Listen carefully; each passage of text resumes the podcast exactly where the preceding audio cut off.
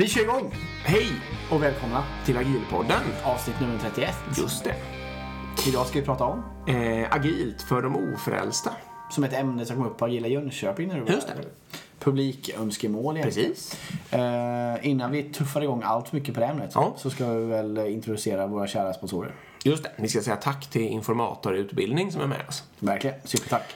Eh, Och som vanligt innan vi kör igång med, med lyssnarfrågorna så kommer vi puffa för lite kurser också då, Just kopplat till ämnet. precis. Vad eh, har vi på det agila för de ofrälsta? Ja, ska vi... Vi, vi, vi tar lite här då först vad det är vi tänker oss med det här va. Eh, agilt för de ofrälsta är liksom så här, vad, hur gör man med eh, Alltså sådana som inte tror på det här och som har massa, eh, antingen till och med väldigt negativa eller mera nyfikna och inte har någon uppfattning. Liksom. Det är lite det vi ska försöka prata om. Eh, om, man, om man inte liksom kan gå på och säga kör skrum eller något sånt där. Eh, och, och till och med kan det ju, det finns ju sådana case när man bör använda, undvika att använda ordet agilt. Liksom. För att det bara väcker, det är som ett rött skynke framför en tjur som kanske är färgblind. Men, ehm, ja men den, nej, ni förstår. Ja. Eh, det är som att vifta med ett skynke framför en tjur oavsett färg. Ja, ska vi börja med den här, eh, din, våran gamla favorit kanske. Ett jättevanligt argument nämligen mot agila metoder är ju att, eh, att man inte har något estimat. Det, det kan man i och för sig ha, men, men att eh, om man inte har ett estimat så vet man inte hur dyrt det kommer bli och då vet man inte om business caset, om man har något business case överhuvudtaget. Och det finns ingenting att besluta baserat på det. Och då har Erik en favorit. Historia från Sydamerika. Ja, det har jag. Men egentligen oberoende av det, det, det, det kan vara en ganska bra fråga till den personen då som sitter ofta på verksamheten, eller på pengapåsen eller vad det nu är. Eh, just då att om man tittar på hur, hur många projekt har ni kört hittills eh, och tittar på den datan då, hur många av dem har lyckats. Både i tid och kvalitet och, och i leverans liksom. Och då, i alla fall min erfarenhet när jag har gjort de här diskussionerna med, andra, eller med mina verksamhetspersoner så är det ju ofta att nej men det har ju aldrig hänt liksom. Vi har ju aldrig satt ett projekt på det vi trodde liksom. Eh, Så därför är ju business caset helt meningslöst. Liksom, För det, det stämmer ju ändå inte. Och så även som Karl sa, eller vad var det jag hörde? Ja, oberoende av vad jag hörde det. Så är det ju, man, man estimerar ju alltid ner eh, uppskattningen att göra det. Och så estimerar man upp hur mycket inkomst man kommer få av det. Alltså det ligger i vår natur. bara Ja, det ligger i människans natur att bete sig på det sättet. Plus att ja, antagligen så är det här, jag menar det är politiskt också ofta, men det här är en smart idé som jag har kommit på liksom. Ja, nu ska du göra ett business case och återkom. Ja, det är klart man kommer krydda det business caset undermedvetet för att man, det är här någonting man vill ha igenom. Man vill ha igenom man kommer inte komma tillbaka och säga att nej, det här är antagligen en dålig affär. Nej. Så ta bort min idé. Ehm, så jag menar hela business, ja, det är ju intressant i sig, hela business case kanske vi ska helt skrota faktiskt. Det, det, det finns ju det här mycket intressant att man bara jagar inkomst istället. Alltså, jag, Som, i linje liksom, som han är inne på. Exakt. Fokusera på inkomster. Men, men i alla fall, så det man kan göra då är att om man tar och menar om, om, om man vill vara övertydlig här, då får du titta på de hundra senaste projekten eller någonting. Ja, eller bara fem. Ja, och kolla då liksom, titta på riktigt, vad är avvikelsen i tid och kvalitet och, och så vidare. Det är ofta flera år, eller pengar om du Ja, för, ja, fördelat den. precis. Då kan du ta, titta då, okej hur många procent avvek det från vad vi sa från början. Och försöka hitta något sånt där. Det är väl fördelen med de här klassiska metoderna, det finns säkert dokumenterat i någon mall sådär. Ehm, och kolla då bara hur mycket avvek det och sen så bara visa det. Liksom, ja, men här är dina senaste fem projekt och de har avvikit så här mycket i pengar eller i tid eller vad du nu tittar på. Och så kan man ju bara fråga sig då, okej men vill du att vi ska nästa initiativ nu, ska vi använda samma metod? Så kommer vi hamna Ja. i samma situation liksom. Eller ska vi testa någonting nytt? Och där blir det ofta väldigt svårt för dem att säga, nej men vi ska köra befintlig metod på nästa grej också. Och det här är ju lite, jag sitter och småler där för det här kan man ju vara, man, man får ju akta sig. Det går ju att vara ganska elak nästan. Ja. Eh, att säga. Och där får man känna av stämningen lite. Men man kan också försöka vara ganska ödmjuk och så här och liksom, har du, jobb, har du, har du varit med, har du lett eller har du suttit i någon styrgrupp, beroende på vad det är för person, eh, för något IT-projekt förut så här, ja, hur gjorde ni då? Ja, då hade ni ett estimat då? Och så leder de fram med frågor, men då försöker jag just att liksom in, inte hånle och sådär utan mera på ett snällt sätt göra det här. Eh, och sen just ställa den här frågan som Erik säger här att ja, hur gick det då liksom? Höll det? Var det en bra metod? Och så. Ehm, Och det var det är liksom antagligen inte, det är ju det som är grejen. Eh, Nej. Så det är ju på, på så sätt är det möjligt att, att sälja in det. Precis. Och då kan, man ju, då kan man ju börja lite i en skala. Nästa initiativ som kanske inte är det största vi har gjort på 20 år liksom. Ska vi inte börja testa att göra det i en annan setup? Ska vi Precis. inte bygga en linjeorganisation kring det istället? Precis. Ska vi inte jobba med en, med en fast budget och en fast eh, tidsplan och sen så levererar vi så mycket vi kan på några korta intervall liksom. Det är där man vill börja. Och ofta är det väldigt, väldigt mycket motstånd till detta till du börjar leverera. Så fort du får ut leverans i produktion ganska tidigt så kommer du få massor med medvind liksom. Ja, då brukar alla de Det är där första, diskussionerna dö ja, faktiskt. det är första sprintarna som är jobbiga. När du inte levererar något och de vet inte vad de ska få och det här kostar pengar och det är oklart och det är otydligt och det finns ingen projektledare som håller dem i handen. Det finns inga styrgruppsmöten där de kan gå och titta på powerpoint-presentationer. Det finns inga budget burndowns att följa och så vidare. Nej. Ehm, Nej, det kan man ju åstadkomma i och för sig. Man-. Just budget burnedowns av pengar är ju lätt att, är ju väldigt lätt att åstadkomma om man vet hur många människor man har som jobbar med vissa. jo, precis, men du förstår vad jag menar. Jag förstår precis vad du menar. Så, så ehm, det är ju mycket falsk trygghet. Eller men det är det business case och hela det här projektlederi eh, liksom metodologin lägger i. Det handlar ju om att bygga en för falsk trygghet för att man Ja. ska hålla sig vid något.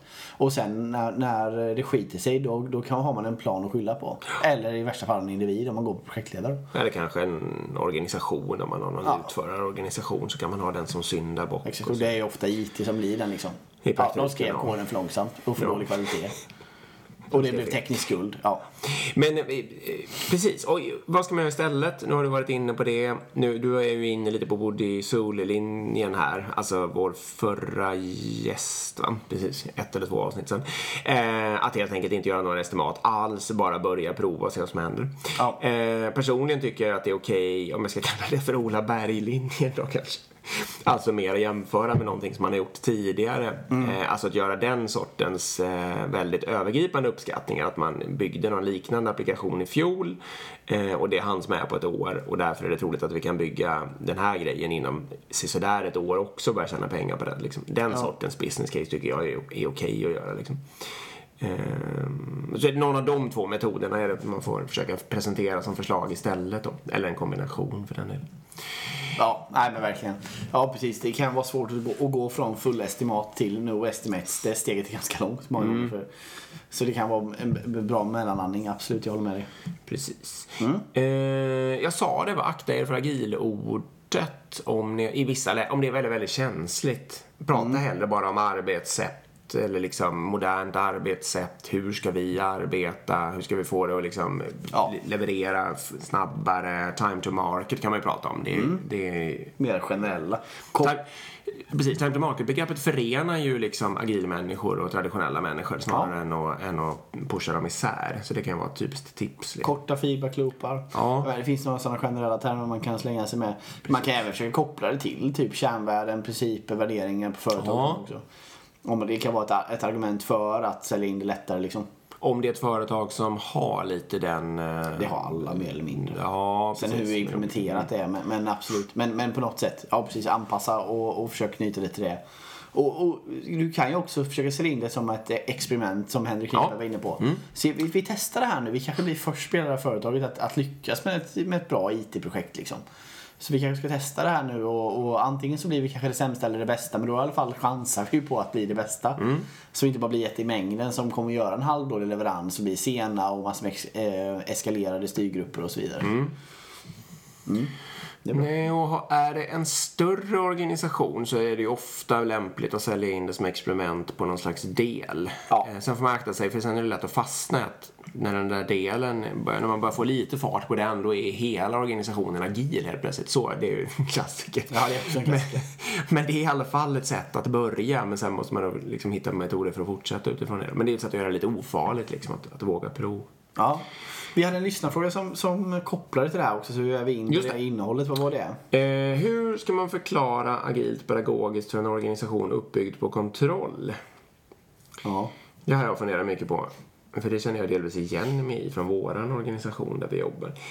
Ehm, och- och inte, den organisationen är liksom inte uppbyggd på något supernegativt sätt på ren kontroll. Men det är liksom ett, ett lite för starkt eh, kulturellt element liksom på något sätt. Själva kontrollmomentet. Och eh, Jag har ju en hel, jag vet inte hur mycket jag ska, ska jag köra hela min rant på det här? Det är lika bra. Vi, gör det, vi, vi tar det, vi ser. Men ni får, ni får återkoppla om ni, om ni tycker jag tar det här för, för lite framför allt. Eller om ni vill ha mer av det så får ni skriva till oss. Um, om man har, troligtvis, om man är lite modern i sin läggning här, så har ni eh, eh, någon slags syn på ledarskap och så tänker ni er att det är bra för en organisation att ha en vision. Så att ledaren kanske håller en vision. Det, det är ganska många som lätt håller med om det. Sen finns det en hypotes som liksom säger att det man mäter, det blir gjort. Eller det man följer upp blir gjort. Och det stämmer ju att människor, alltså under, människor som uppfattar sig varandes i en beroendesituation eh, väldigt ofta ser till att göra det som, som liksom på något vis blir mätt eller uppföljt. Då. Så det är ju ett kraftfullt sätt att få fart på en viss grej liksom med att mäta. Och mitt, eh, om vi ska ta ett exempel helt utanför här då som jag ofta använder så är det liksom att om man, eh, man har sin vision. Visionen kanske är nollvisionen, att det inte ska vara några trafikdöda. Mm. Eh, man bryter ner det till en strategi om att sänka hastighet. Man utfärdar en instruktion i form av en sån här eh, röd och gul skylt som berättar hur fort man får köra.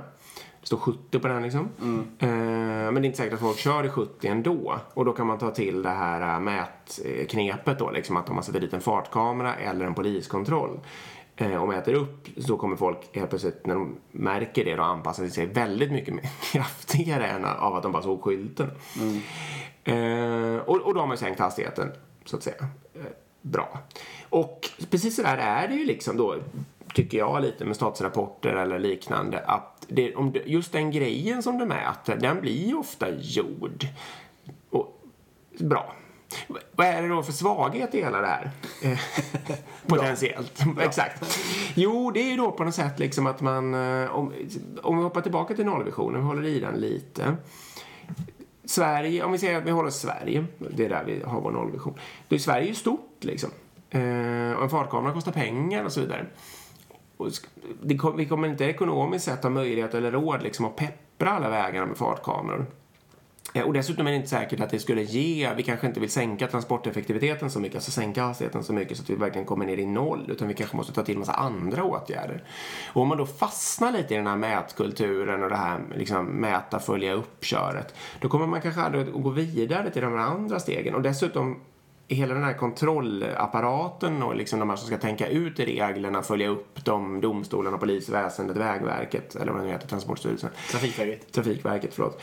Eh, alla de blir ju liksom upptagna av det. När de kanske själva verket skulle behöva titta liksom på nästa generations autonoma fordon och eh, hur autonoma fordon beter sig i förhållande till eh, trafiksäkerhetsrisker och sånt där. Eller för den delen bygga gångbroar eller separera trafiksystemen, gånger, eh, motorfordon och så vidare och så vidare i all oändlighet. Och liksom där någonstans så behöver man ju skapa en, om man nu vill åt nollvisionen till exempel, behöver man ju troligtvis skapa en kultur när många människor, eller liksom hela organisationen eller vad man ska säga, verkar i rätt riktning och använder sina egna huvuden. Eh, och liksom, det är ju sådana argument man behöver ta, ta upp mot det här med kontroll och uppmätning, mm. hävdar jag då om man vill ha liksom en kunskapsuppbyggd organisation eller en kunskapsindustri som, där alla verkar åt samma håll. Eh, sen säger inte jag då, man, själv, jag är inte emot att man, man, kan mäta saker. Framförallt kan man mäta saker under en period. Eh, är det otäckt utanför dagiset liksom, eh, så sätt upp en fartkamera där och det är väl jättebra. Mm. Och, och, koll, och, både få reda på vad hastigheten är och bötfäll lite så att folk ändrar sitt beteende just där, där det liksom är superviktigt. Eh, det är väl bra. Men jag tror inte att det löser liksom helhetsfrågan. Um, utan den kanske måste lösas på något annat sätt. Mm. Nej, bra metafor och, och helt rätt tänkt.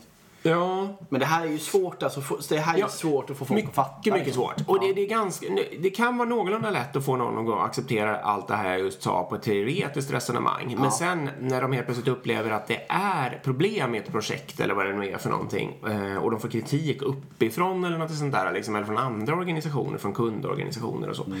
Då brukar ju reptilhjärnan slå till och man faller ner direkt på ett ganska starkt kontrollerande stil då liksom. Så det här är ju någonting man får liksom tjata om, eller tjata, man får, man får tålamod och lugn och förklara igen och igen vad det finns för nackdelar. Mm. Man får försöka titta på de mänskliga drivkrafterna och vad den här kontrollen driver för beteende.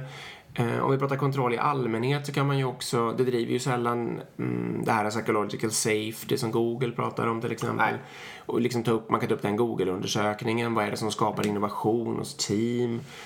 Och, liksom, det här är saker vi har pratat om förut så vi ska inte fastna i det. Men, men eh, liksom, ha tålamod, förklara igen, kretsa kring de här frågorna. Eh, det är nog egentligen bara det. Ja, det är bra. Jag kan tillägga. Kör. Eh, för jag menar, för, det, kontrollbehovet på, liksom, om man snackar verksamhet och IT då. Då är det ofta ekonomisk uppföljning idag. För det är, liksom det, det är ett lätt sätt att Ja. följa upp. Får jag det jag Kronor betalar för? eller och så timmar. vidare. Ja, exakt. Kronor eller timmar. Men jag menar, det man måste försöka att vända hela diskussionen till är ju snarare att nej, men ni är produktägare. Ni bestämmer prioriteten i backloggen. Eh, Och det är där ni har er kontroll. Ja. Samarbete med våra team. Sitt med dem. Mm. Det, är där ni kommer, det, är liksom, det är där ni ska ha kontrollen. Inte på ekonomisk uppföljning eller hur många timmar folk Nej. jobbar. Det är helt ointressant. Fullständig kontroll på att de jobbar med rätt saker. Exakt. Det ska man uppmuntra. Det, det ska man uppmuntra. Och, och jag tycker min, min, min erfarenhet är lite att att trycker man på det och in, alltså då bjuder in, var med på våra stand-ups, var med på alla våra möten, var med på våra retros, alltså du vet, liksom involvera dem i liksom det dagliga processen. Ofta kommer de kanske inte ens, men bara att bara öppna den dörren och säga här, det är full transparens liksom. Vi sitter inte här och hittar på saker, vi jobbar ju för, utifrån din backlog och du får prioritera den hur du vill. Och vårt jobb är att bygga en organisation som kan hantera den backloggen oberoende av hur du prioriterar den liksom. Eh, Då tycker jag också ofta att man kan komma ifrån den här kontrollgrejen. För kontroll, eller den här i alla fall ekonomiska kontrollen eller meningslösa rapportkontrollen och så. Det upplever jag i alla fall ofta kommer av en osäkerhet att de inte vet vad som pågår. Alltså de kan, de fattar inte vad som händer. Nej. Och, är man, eh, och så vill man, inte, vill, man inte, vill man inte visa sig okunnig. Och då, då är ett medel för det att nej, men jag ska fan ha koll på detta ekonomiskt och bla bla bla bla bla. Och så tar man tag i de bitarna man har lite koll på och så får man ha superkontroll på det istället. Som då kanske sänker kreativiteten på hela liksom, utvecklingsorganisationen. Eh, Så det gäller liksom att få de här personerna att få mer kunskap i vad vi faktiskt gör. Och ökar man den kunskapen så släpper nog automatiskt lite kontrollbehovet. Precis, det sänker kreativiteten men det gör ju också att, att man får utvecklingsorganisationen att eh, hålla på och lägga energi på att kunna eh, leverera de här kronorna och timmarna och vad det nu är för någonting istället för att leverera funktionalitet. Liksom. Ja, det, är, det är en, en av eh, de mest chockerade svaren jag har fått när jag frågar en, en utvecklare i en utvecklingsorganisation. Eh, vad- vad, som jag aldrig har träffat någonsin. Jag bara gick förbi i ett öppet kontorslandskap och så stannade jag upp och bara tänkte nu ska jag passa på. Så frågade jag om du får måla upp en cirkel här, en liten tårtdiagram vad du lägger din tid på. Eh, vad gör du? Vad lägger du din tid på då? Liksom? Ehm, och, och där då kunde de då, ja, hur mycket utvecklar man och kanske hur mycket jobbar man med design eller hur mycket jobbar man med incidenter eller buggrapport och sådär då. Och absoluta majoriteten i det här tårtdiagrammet var ju skriva rapporter till högre chefer Ja, som undernivå. Ja, och det, det är sant. Det är alltså fullt sant. Och jag menar, gå ut och fråga det här i organisationen. Kolla vad folk lägger sin tid på. Jag menar, jag kan helt ärligt säga, det jag, det både du och jag har jobbat innan, så lägger man 50, 45-50% på utveckling. Resten är möten och det är runt omkring och det är koordinering och pulsning och eh, sen är det mycket produktiva forum och sånt som sker också liksom. Men- Men det är väldigt ofta låg eh, produktivitet och det, borde, det är ju så, om vi kommer in på nu, eh, meetings nu som vi också mm. lyssnar fråga hur det har gått för oss. Du kommer rapportera Ja, jag ska rapportera sen. Ehm, så, så kan man komma in precis där och då kan, det kan vara ett argument för att implementera no meetings i, i det är i alla fall det argumentet jag kommer försöka använda för för- för att få till min no meetings vecka. Mm. Att bara, men vi, jag tror vi kan dubbla vår produktivitet om vi bara tar bort mötena. Mm. Vi kommer säkert tappa andra saker på det. Men då kan vi lära oss lite vad var det vi tappade och så kan vi försöka hitta en effektivare form att träffas runt det. Ja. Det är det som är lite poängen. Men okej, Nej men verkligen. Tillbaka. Verkligen. Ja, precis. Var är vi någonstans? Ehm, kontroll. vi är på det här, hur kan vi implementera liksom agilt eller hur, hur ehm, eh, nej, i en kontroll, i en organisation som drivs av kontroll liksom. Precis. Eh, Vi har bollat runt det. Jag tror... eh, Ja, men, det, var, det var en grej jag satt och kände efter, om jag skulle säga här. Ehm, att- eh, alltså, man, man får ju också på något sätt... ehm, eh, ja, det är ju jätte, för de människor som har kontrollbehov så är det ju, det, du har sagt det egentligen, men det är ju jätteviktigt att få dem att, alltså de måste ha kontroll, de måste kontrollera rätt saker. Eh, jag satt och tänkte på samlokalisering igen också, att det är ju fullständigt livsfarligt om de här människorna som vill kontrollera sitter någon helt annanstans. Ja. Så att, och det är inte alltid man har chans till det förstås, men överväg för allt i världen eh, att eh, lokalisera så att, att de sitter på samma ställe. För att man, man känner sig genast mycket tryggare om man ser att det sitter sådana här utvecklingsteam och arbetar på just ens grej. Liksom. Ja. Eh, och när som helst kan gå fram och fråga och så här, och hur går det? Och, Ja. Och så vidare. Ja, jag håller med. Och, och, men risken med det, det är ju liksom att man, att, för, för det blir ju ofta... Om man, Man kan störa. Ja, ja. Jo, jo. Det också, men sen också så blir det den här, ja jag såg att Lasse kom in vid 9.30 idag. För han jobbar vid 8. Ja, nej, alltså det blir ja, den men- här... men, eh, nej, det har ju förekommit också. Och det är ju den här klassiska återigen då liksom att eh, när de känner att de inte vet då fokuserar man på helt fel grejer. Och det är en typisk sån grej. Arbetstid, eh, vad folk gör, vem som gör vad. Eh, hur många timmar det läggs i totalt. Nej, alltså, peng, alltså det är sån här skitfokusgrejer liksom. Ja. Mm. Om vi ska vandra vidare lite. Ja, oss. Eh, det är bara sån här otroligt grundläggande. Men just när ni ska, om ni ska bemöta det här, tänk, jag kanske sa det, men tänk på att ha lugn och tålamod. Tänk på att lyssna mycket. Och ta oron på allvar. Mm. Det är en bra poäng. När jag står och föreläser om det här för såna här organisationer, då har jag ofta kör jag whiteboard. Och så börjar jag oftast med att fråga vad, det, vad som är deras, jag kanske inte använder ordet oro, men vad är liksom deras viktigaste frågor eller något sånt där. Och då kommer ju väldigt ofta det här med estimering, det kan komma portföljarbete, Eh, och olika varianter på det då, hur- vad, vad kostar det och sånt där.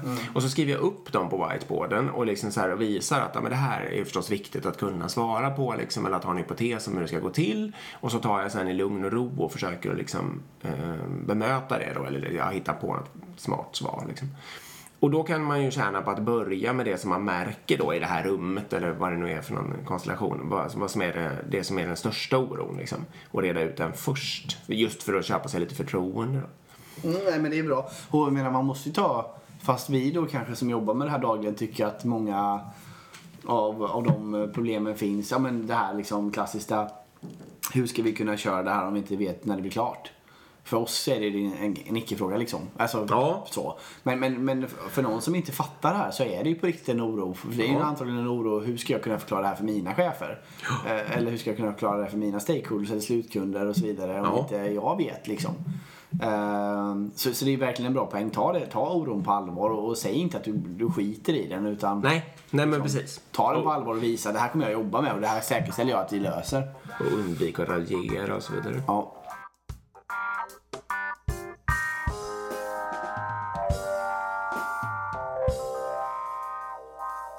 Ska vi hoppa till den här äh, med äh, varv? Det, det är också en sån här sak man liksom lite kan bjuda på. Eller, och det här tror jag vi har pratat om förut, men det är väldigt viktigt att tänka på det här i, i anslutning till agilt för de ofrälsta. Att, eh, vad är det för bra med vatten? Vattenfall? Eller varför, varför går man in i ett Vattenfallsarbete överhuvudtaget? Och visa lite förståelse för det. Så jag vet inte, ni som har lyssnat på mig mycket vet ju kanske spagetti köttfärssås eh, eh, analogin liksom. Om ni ska göra spagetti köttfärssås, eller vad som helst för en sån här matlagning, så har ni ofta kanske en idé direkt i huvudet om hur det ska gå till. Ni tar en kastrull, fyller den med vatten, häller i salt, sätter på plattan och så vidare. Det där är ju ett litet vattenfall. Eh, och, och en människa, alltså när man gör de, de, sina egna arbetsmoment, det är ju det som är viktigt att förstå, då är ju det ett vattenfall. Man gör det ena först och det andra sen och så blir det klart liksom. Och, och därför är det så himla lätt för en människa, med, om man inte tänker sig för då, att bara tro att det är sådär saker går till liksom, och skala upp det i sitt huvud. Till hur stora saker som man än ska göra. Mm. Eh, men när en viss komplexitetsnivå uppnås och när liksom resultatet inte blir klart inom en viss tid, alltså när man inte får feedbackloop, när feedbackloopen är för lång, då är inte det där fiffigt längre. Liksom. Om man ska göra spagetti och köttfärssås till en miljard människor, eh, så att säga, då, ska, då skulle man liksom inte ta en miljard kastruller eller en kastrull som var en miljard gånger större och börja fylla den med vatten, så att säga. Då är inte det en bra metod längre. Men, mm, men det är fortfarande det intuitiva för något okänt som man inte förstår sig på är fortfarande att försöka bete sig på det där sättet. Och man kan hoppa till, till den här, eh, alltså exemplet med brobygge. Brobygge är liksom som, bygger bro, det kommer en väg på ena sidan, det är vatten emellan och de ska fortsätta på andra sidan. Det är ganska lätt för vem som helst att förstå vad som ska, hur det ska gå till. Om man har någon idé kanske man ska ha lite pelare och grejer och lite vajrar och sånt där och hänga upp bron i om det är en hängbro. Och Eh, då funkar ju fortfarande spaghetti och köttfärssås ganska bra. För det är ändå så här man gör det ena först och det andra sen och man måste ha pelarna först för att kunna hänga vajrarna och sådana där saker. Men väldigt ofta blir ju den, nu jag är ingen expert på byggindustrin, men de blir väl ofta liksom 10% försenade de där mm. byggena liksom. Eh, men inte som mjukvara som blir 10 000 procent försenat och sånt där, eller vad det nu kan vara. Men mm. där när allting är beroende av allting och projekten kan gå precis hur som helst. Mm. Eh, men och, så en sak är att ge gärna er, de här som ni ska övertyga den förståelsen. Alltså berätta den här spagetti köttfärssås respektive brobygge eller båda och eller en av dem vilket ja, visst, absolut. tror hjälper. För, för att få en förståelse för det är ändå in, inprogrammerat i en människa att det är ju så man gör saker. Mm. Eh, och det finns en nackdel att skala upp det i komplexa. Det går liksom inte att skala upp det när det blir till för komplext. Då måste man börja tänka annorlunda. Men det är smart att göra det när man gör ett enkelt arbetsmoment. Exakt. Och, och jag håller med dig. Och man kan även, eh, det kan vara väldigt, ofta är det väldigt bra, det har vi pratat om innan också, om att ha projektledningsbakgrund som agil coach eller scrum master mm, eller chef eller vad det är i en agil värld. För det är just det här att man, att man kan ta de sakerna som är bra från den traditionella kulturen och implementera och behålla dem. Ja, men till exempel när man eh, i mitt arbete när vi rullar ut nya marknader med ny programvara. Då är det massor med olika aktiviteter. Man ska säkra att de har rätt IT-miljö och det ska utbildas och det ska sådär. Det funkar hur bra som helst att köra en projektledningsmetod. Liksom. Mm. Här är 20 steg, det är mm. smart att göra dem i den här ordningen. Och sen så har ni ett system live och alla är utbildade, glada, det finns liksom material och du vet sådär. Ja, och det är ju lite spaghetti, eller det kanske snarare är brobygge. Men, eh, brobygge på något sätt. Och, och det, det, ja, precis, för det, det, det, blir väldigt lite varians på den tidplanen. Det stämmer väldigt ofta väldigt bra. Uh, och, och det blir kanske ofta 10% försenat skulle jag gissa. Säkert. Men, men det spelar ingen roll. För man är lite liksom. optimistisk. Nej, precis. Men, men, men, det spelar liksom ingen roll för det är så lite. Uh, och, och, men, och det där ska vi ju verkligen inte ändra liksom. Alltså, och framförallt inte först. Det kanske man ska titta över sen också. Men, men, börja, men det, börja inte där liksom. Börja där, där det skaver som mest. Och så, och så, kan man ju ge cred då att nej men här är det bra. Här är det riktigt bra att ha en projektledare för det här lilla utrullningsprojektet som ska göras. Liksom. Ja. Nej men så är det. Mm. Eh, som har ett tagande och ett givande i sin argumentation så att säga.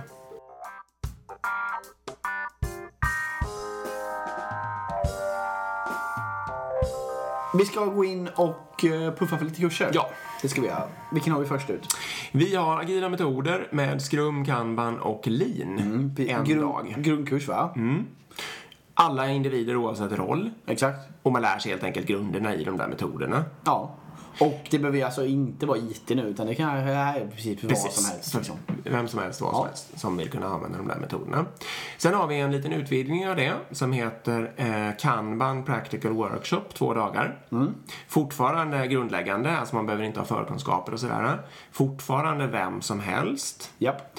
Kanban är ju alltså, kommer från den japanska tillverkningsindustrin från början. Just ordet kanban betyder skylt. Ja. Och det är alltså en fråga om, det är en metod för att tydliggöra materialbehov var det från början då. Yes. Men man kan egentligen tydliggöra vad som helst för behov i ett eh, taktat flöde.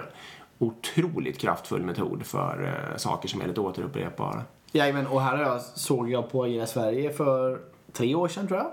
Eh, en eh, blixttal om där de har implementerat Kanban på en förskola. Till exempel. Ja, det kan man ju verkligen göra. Ja. Eh, tredje kurs. Yes. In, införande av agila metoder. Mm. Den riktar sig till organisationer som typiskt då har eh, bra kvalitet och levererar rätt funktionalitet men som känner att de har optimistiska tidplaner i mm. troligtvis mjukvaru. Väldigt roligt formulerat. Ja. uh, väldigt snällt formulerat. Ja. Nej, men, men det här är ju, här är väl de företag som inser att okej okay, det börjar blåsa i det agila och det kanske inte går över här liksom. Utan vi kanske också måste titta in på det. Då är det här väldigt bra. Så alla de här tre kurserna är väl en väldigt bra grundkurs för att skicka. Och det kan ju också vara ett svar till på det här med hur, hur ska vi göra när jag jobbar i en kultur som, som styrs väldigt mycket på uppföljning. Då är ju utbildning ofta väldigt bra. Liksom. Jag utbildar dem i grunderna i de här grejerna. Så, så de fattar vad du snackar om. Uh, så in på agilpodden.se, klicka in på loggan informators utbildning om ni anmäler till någon kurs. Slå gärna in agilpodden där på något ja. sätt så de vet att det kommer via oss. Och så tackar vi agilpodden för att ni är med oss. Förlåt. Vi tackar informator för att ni är med oss. Agilpodden tackar informator för att ni är med oss. Men vi tackar även Agilpodden för att vi är med ja, oss. Kan vi Bra. Över på lyssnarfrågorna. Ja, och eh, bakgrund nu här då, då, för att ni ska känna igen er och så vidare, är att vi körde, vi gjorde en livesändning på Instagram när vi satt och förberedde det här avsnittet. Ja. Och då sa vi fråga på. Eh, och då fick vi in totalt sett fyra stycken frågor via Instagram där. Och en var ju den här som, vi, som jag har försökt beröra här, hur man förklarar agilt pedagogiskt för en organisation som är kontrolluppbyggd. Precis. Men Vi har tre frågor kvar. Exakt. Exempel utanför mjukvaruindustrin var det någon som ville höra. Du har väl skrammat lite på din semester senast? Just det. Berätta om det. Det kan man göra. Jag, jag, vet knappt om jag vågar kalla det scrum, men eh, scrum light eller vad man ska säga. Men vi hade den- vi, vi jobbar, det gör vi faktiskt ofta, inte bara på semestern. Men vi jobbar framförallt med backlog i, alltså jag och mina tre barn. Ehm, så alla får skriva upp vad som helst. Och sen så eh, diskuterar vi och eller röstar liksom vad som är viktigast av de där grejerna och sorterar upp den helt enkelt så att framförallt toppen liksom är ordentligt röstad. Och sen så om det till exempel är semester så har det ju varit att vi på morgonen bestämmer vad vi ska göra just den dagen. Eh, Men inte håller på med några planer för hela veckan och sånt där. Liksom, utan att, precis. Så det är ju ett exempel. Eh, Ja, från min lilla organisation. Ja, men det är det. Och, och jag menar, kanban på dagis är ju en sån klassisk Just. grej också. precis. Ehm, för, för att bara visualisera olika saker kan vara vad som helst. Precis. Ehm, mm. Jag tror att, eh, jag är inte så himla bra på det här, men av alla vi har pratat med och sådär, alltså Legos eh, transformationer det senaste året, eller de senaste åren, tror jag kan upp, man kan säga delvis är en agil eh, transformation som inte bara omfattar deras IT, utan liksom... Nej, det är hela bolaget. Exakt. Ehm, men där de liksom har försökt att korta feedbacklooparna jättemycket och sådana här saker som typiskt är agila. Jag vet inte om de kallar det agil transformation. Nej, inte jag heller, men, men, men absolut. De är liksom inne på det spåret. Så jag försöker få med dem här och berätta i podden någon gång också. Uh, Agila Åland har vi också. De Ja. kommer komma eh, Ja. som gäster också. Och det är egentligen en förening som försöker få hela Åland agilt. Det är otroligt intressant. Alltså sjukvård, skolor, alltså allt liksom. Så tanken är, och det är ju en intressant eh, liksom, tagning på det. Åland är ju ändå inte så stort liksom. Nej. Så det skulle ju faktiskt ganska enkelt tror jag gå att utbilda alla i det och liksom på, på riktigt göra transformation rakt igenom hela samhället. Liksom.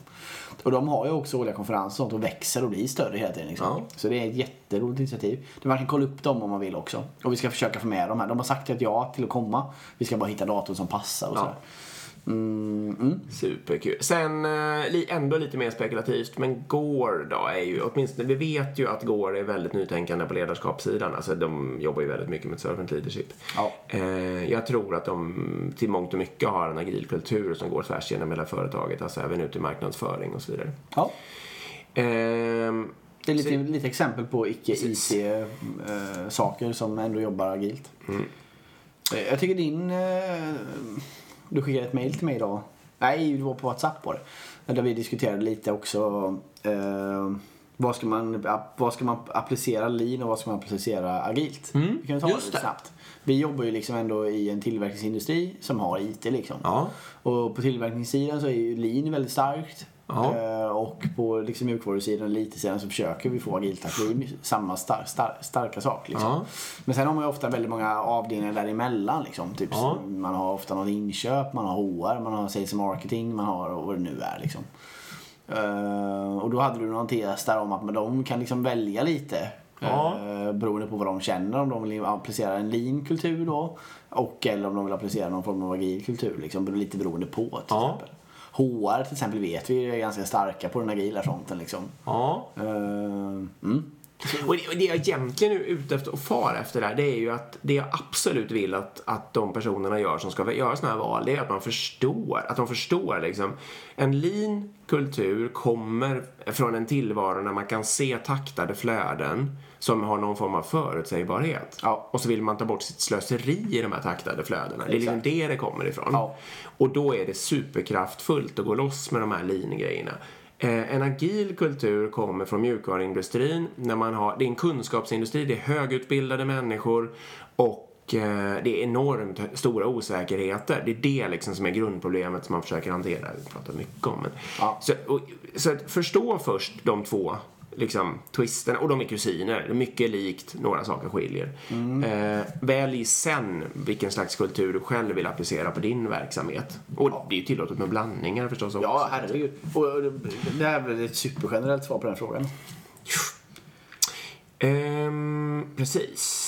Det var någon som undrade här, de eh, uppfattat problem med kvalitetssäkring när man använder skum och agila metoder. Eh, att det är svårt med, liksom, test helt enkelt. Ja. Eh, jag började ju här med att säga att jag håller inte, vadå? Vadå? Det är väl bara att testa, jag håller inte med. Men Erik hade ju lite mer förståelse. Så du Ja. kan få börja då. Ja, jag förstår problem, problematiken. Jag, jag har ju upplevt samma sak delvis. Ehm, och det är klart, jag menar ofta då om man tittar traditionellt då har man ofta ett testteam. Man har ett starkt testledare. En person ofta som är väldigt duktig och har helhetskollen liksom. Ehm, och de då ger i slutändan tummen upp eller tummen ner till någon form av go, no, go och så vidare liksom. Ja. Sen så ska man ta bort de här personerna då. De ska ut till team och teamen ska ta ansvar. Eh, och som ska deploya då kanske utan den här samsynkningen av test och så vidare. Antagligen så trycker man ner testcykeln också så den blir mycket mindre och kortare för man vill ha snabbare feedback och ut med grejerna fortare. ja, allt är ju kortare. Ja. Ja, och jag menar det behöver inte vara negativt men, men det, det leder ju kanske då till att, att i alla fall upplevelsen av kvaliteten blir lägre och kvaliteten kan säkert bli lägre också. Eh, Eller I, högre. i, den, ja, men I transformationen så tror jag den kan bli lägre. Kanske- Alltså, men jag får bara säga, min, jag har ju varit projektledare för ett vattenfallsprojekt, ett IT-vattenfallsprojekt. Ja. Eh, det, det första vi skar ner på när vi fick ont om tid var ju test. Ja, det är klassiskt. Så det blir Jag menar, bägge setuperna går ju att göra bra och mindre bra. Ja, det är klart. Ja. Men jag, jag förstår bara, för det är där frågan ifrån kommer tror jag. Liksom, Ja, utifrån okej. den liksom så. Bra. Eh, men, men sen, jag, det, Bra att du visar upp förståelse. Ja, ibland, det är inte ofta jag gör det, men ibland så. Ombytta Eh, eh, så det jag tänker på i, det här fallet är liksom att egentligen så i slutändan test kommer bli mycket bättre i en setup. Tveklöst. Ehm, det är lite falsk kontroll att man, man, man vill ha en person som har ett ansvar för kvaliteten. Eh, så. Eh, Och det har man ofta i en traditionell setup. Nu ska man ta bort det, då upplevs kvaliteten. Bara att ta bort den personen så upplevs det som att eh, det blir sämre. Eh, Men, men det, det blir det ju inte för vi tar ju bort en nyckelkompetens. Vad hade hänt om den personen slutar? Alltså det finns ju massor med sådana grejer liksom. Ja, men man kan väl jämföra med, eh, det är lite som att säga att tidplanen kommer hålla bättre om man har en projektledare. så Ja, säga. lite så. Ja. Det känns så, men det känns gör ju så. inte det. Nej, det gör ju inte det. Nej. Och det är, väl, det, är väl, det är väl egentligen svar på den där frågan. Ja, Det känns som att det blir sämre, men det blir ju antagligen inte det. Utan det är ju snarare en... en, en man tappar kontroll liksom. Gör man riktigt fel så blir det förstås sämre, alltså om man, om man slarvar. Men liksom bygger man in kvalitetstänk hos teamen och, och jobbar på sin automatisering av testerna och så vidare så blir det självklart bättre. Ja. Ja, det är bra. Precis, exakt. Och automatisering där är ju jätteintressant. Precis. Och det är en grej som verkligen är lätt, lätt att bygga in en agil organisation. Ja, precis. Det, är ju, det går väl lite vattenfall och automatisering men det blir aldrig någon stark drivkraft för det. Väldigt sällan. Nej, precis. Så det blir i praktiken blir det sällan. Mm, en fråga kvar. Ja, Eh, agilt med eh, om man har hårdvara också. Alltså- det här är ett... eh, Vi har, det här har vi inte berört. Nej, vi, då, vi, ingen av dig, du och jag har jobbat med hårdvara. Nej, vi bara jobbar med mjukvara. Eh, och, men alltså, Carl nämnde ju det lite i, Ja. i Safe-avsnittet. Och jag tror det är väldigt sunt. Men Inte just, han, han hade simulatorn va? ja, där, exakt. precis. Som exempel. Ja, simulatorn. Eh, ja, men jag tror det är väldigt sunt att tänka att man ska samsynka leveranserna på och mjukvara. Ja. Alltså hitta en cykel som funkar att ni samlevererar liksom. Eh, Och sen blir det ju korta feedbackloopar ja, tack vare det. Men, men eh, vi ska helt ärligt säga, jag har ingen bättre idé mer än det hur man ska sätta upp Nej. ett sånt samarbete. Hitta det- en, eh, alltså synkpunkter och försök att skapa autonomi mellan synkpunkterna så att mjukvara och hårdvara kan jobba självständigt förutom fram mot synkpunkterna. Liksom. Det är väl som med alla beroende, försök att ha så Ja, få som möjligt. Eh, sen, eh, det, vi tar gärna med oss den frågan och vet ni någon som är väldigt duktig som jobbar med hårdvara och mjukvara och jobbar agilt så är ni jättevälkomna att höra av er till oss. Så tar vi gärna med i podden just det. Mm. Precis, vi behöver en sån gäst helt Ja, vi behöver en gäst. För, för om det. är ett ämne jag, jag själv är intresserad av att grotta ner mig i som jag faktiskt inte har gjort än i min karriär. Så det, får, det vore jättekul. Eh, vad bra. Det var de tre frågorna. Mm, då, precis, de tre extra frågorna. Ska vi ta och puffa för våra egna saker lite också? Eh, ja, jag ska bikta med här då. Ja, kul. Med No Meetings. Ja. Eh, Ja, alltså, jag, det- hur har det gått? Nej, ja, jag hade väl ingen ambition i och för sig. Det där kommer ju behöva planeras in lite så det, det är inte konstigt att det inte har hänt än. Behöver du Men- projektledare för planering? Nej, men jag har börjat liksom känna lite på trycka lite i min organisation och fråga lite så här och, om jag liksom har dem med mig. Mm. Det kändes inte jättelätt. Det var ganska låg förståelse för att det där skulle vara någon fördel. Är man medarbetare eller utvecklare så att säga så var väl inställningen att jag, jag går faktiskt inte på så mycket möten som jag inte behöver. Mm. Okej. Eh, så det var inte så himla viktigt för mig och det är jobbigt för mig att försöka bli av med de få liksom. Det var lite det var väl känslan. Eh, är man lite chef så var det ju kanske mer att det är väldigt mycket möten men att man känner sig väldigt beroende av att verksamheten och sådär kräver att man ska gå på de där mötena liksom. Så jag har absolut inte gett upp men jag insåg att det här kommer kräva lite införsäljning och att jag kanske får tjata om det ett litet tag. Så att ni kanske får räkna med att det tar någon, någon eller några månader innan det här eventuellt händer då. Jag får gå med aggressivt jag då. Ja, du, får- det kan hända att du vinner den här. Faktiskt. It's a challenge. Challenge accepted. Nej, men det, det måste vi titta på. Det är en jättespännande tanke. Mm. Det var- och, och det, vi kan ju bara refresha ni som inte har hört det. Vi kommer ju alltså på det här ihop med Woody då som, som är grundare till No Estimates Just det. och eh, även mobbprogrammering. Och No Meetings-kampanjen eh, är ju lite att vi testar att ta bort alla möten en vecka för att för det första höja produktiviteten, att folk får faktiskt jobba på riktigt. Och hitta alternativa sätt att kommunicera istället för att sitta i ett möte Ja. som automatiskt resulterar i ett uppföljningsmöte och så vidare. Eh, Men sen också att man på riktigt känner, att man riktigt reflekterar och känner efter vilka möten var det på riktigt jobbigt att missa Ja. liksom. Eh, Det är det som är tanken. Och det kan ju hända att man landar i en kultur när det inte är no meetings utan någonting däremellan. Exakt, men no meetings är ju för att driva fram, att Ja. effektivisera fram det liksom. Mm.